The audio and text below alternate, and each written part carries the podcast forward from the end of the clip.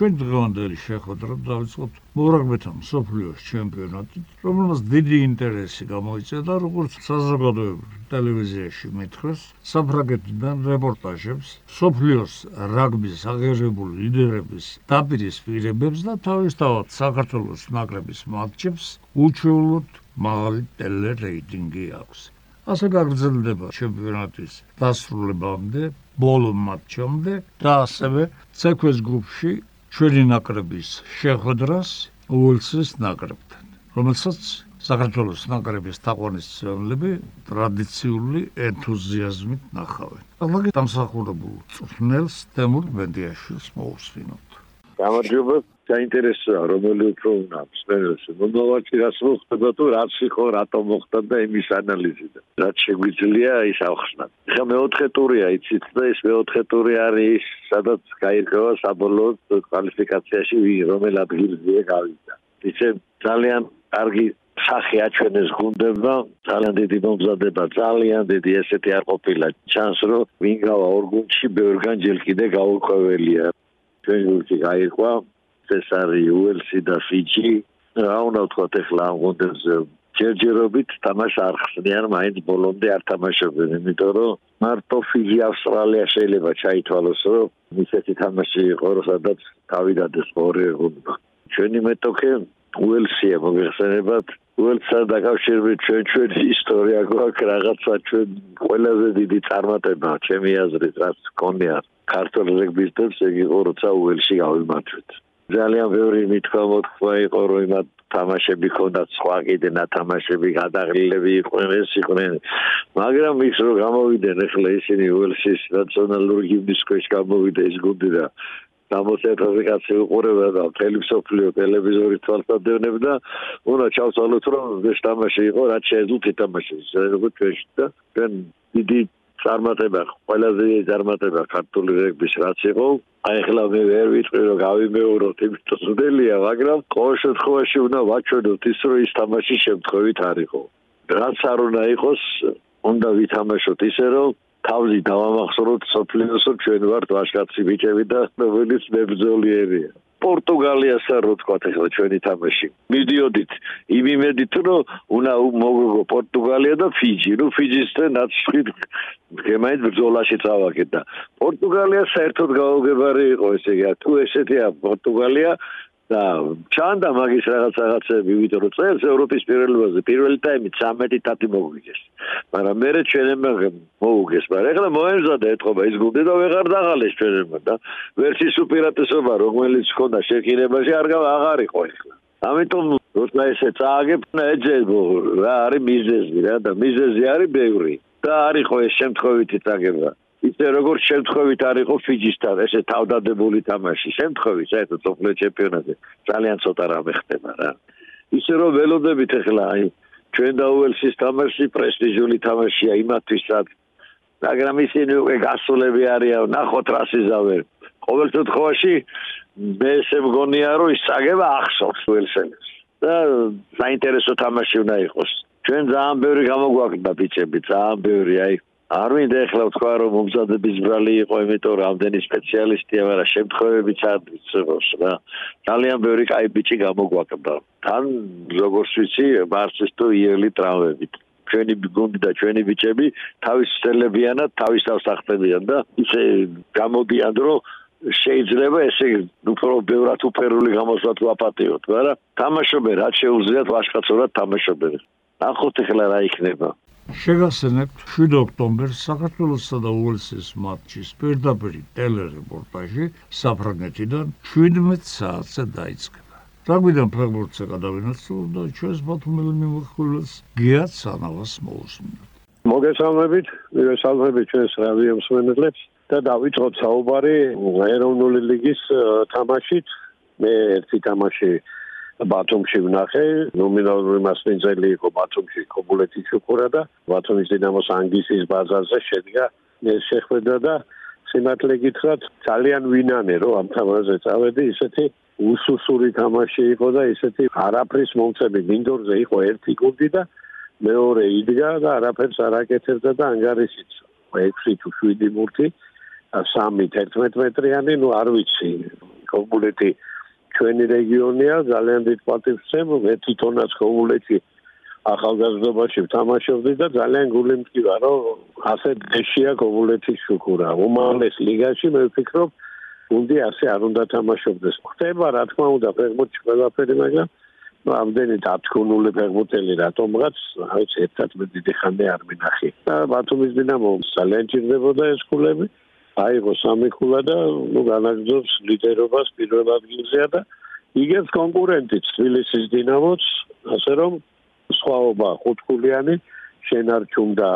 აი ხლა ამ ტურში ბათუმის დინამოს და თბილისის დინამოსაც ორთავე სერიოზული თამაშები აქვს დინამო ბათუმი ფინიში მიდის საბურთალოსთან და დინამო კიდე გორს ეთამაშება და ნუ საინტერესოა რა მოხდება. მე ვფიქრობ რომ ამ ორ დინამოს შორის ბათუმისა და თბილისის დინამოებს შორის უმთავრესი ბრძოლა გაჩაღდება ჩემპიონობისთვის და უფრო და უფრო საინტერესო რა თქმა უნდა წინა კულების დაგარგვას არავინ არ აპირებს ყველა თამაში სერიოზულია და ყველა თამაში ალბათ თავეგუნდი დიდი სერიოზულობით მოეკიდება. ნახოთ რა მოხდება.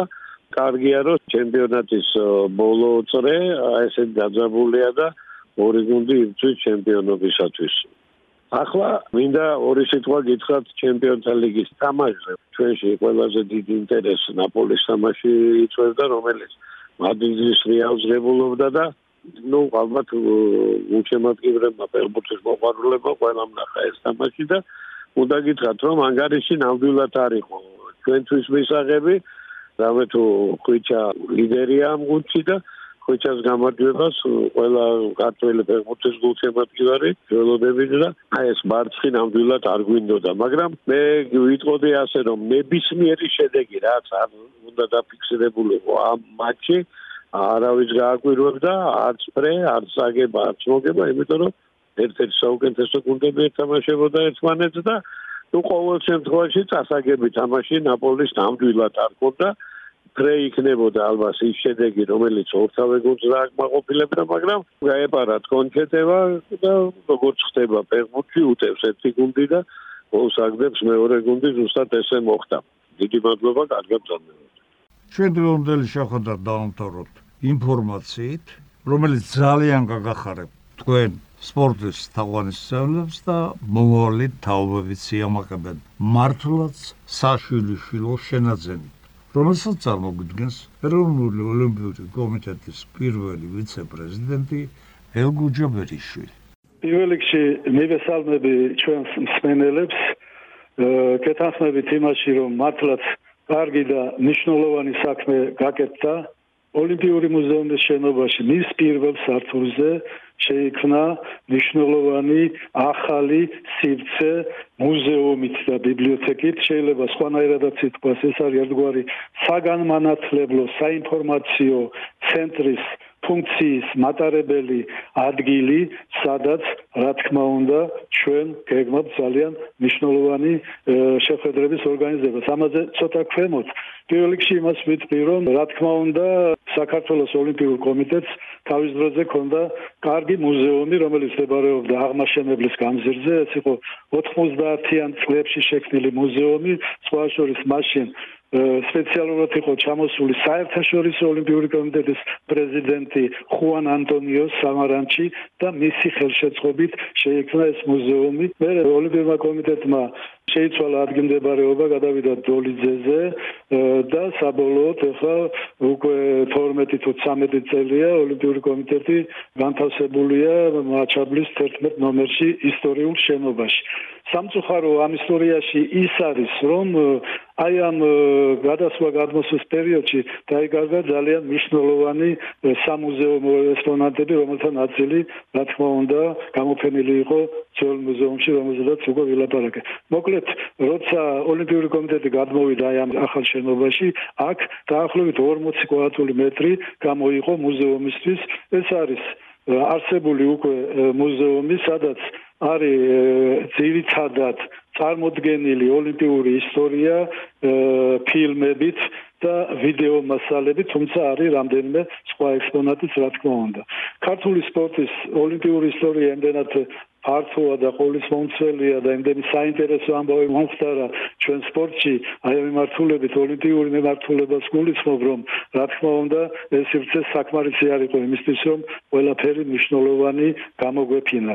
და სწორედ ამიტომ გადაწყდა ოლიმპიური კომიტეტის პრეზიდენტის ლერი ხაბელოვის ინიციატივით, რომ გაფართოებულიყო მუზეუმი და შეგვექნა ახალი სივრცე, სადაც უკვე არა მარტო ქართული სპორტის ოლიმპიური ისტორია იქნებოდა წარმოდგენილი, არამედ ზოგადად ოლიმპიური მოძრაობის ისტორია და სწორედ ასე მოხდა, მაგრამ აქვე იმასაც ვიტყვი ბარემ, რა თქმა უნდა ეს სივრცეც არ არის საკმარისი იმისთვის, რომ ქართული სპორტი, მისი ოლიმპიური მოძრაობა ფართოდ იყოს წარმოდგენილი, მაგრამ ეს გაცილებით დიდი და საინტერესო სივრცეა, სადაც იქვე არის ძალიან კარგად მაღალ დონეზე მოწყობილი ბიბლიოთეკა, ანტიკური ოლიმპიური თამაშების ისტორიის მნიშვნელოვანი მომენტები არის აი აქ ასახული პირველ რიგში რა თქმა უნდა, მე თანამედროვე ოლიმპიური თამაშების ისტორია, საერთაშორისო ოლიმპიურ კომიტეტზე ინფორმაცია, თავად ოლიმპიურ თამაშებზე, მის სიმბოლოებზე, ცერემონიებზე, ცალკე იქ მასალები ზაფხულისა და ზამთრის ოლიმპიურ თამაშებზე,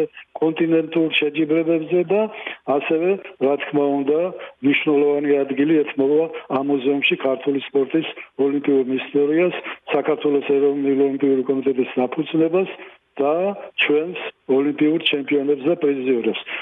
მინდა შეგახსენოთ, რომ ჩვენ გვყავს 133 მედალოსანი, მათ შორის ოქროს მედალია 41, 35 ვერცხლისა და 57 ბრინჯაოსი.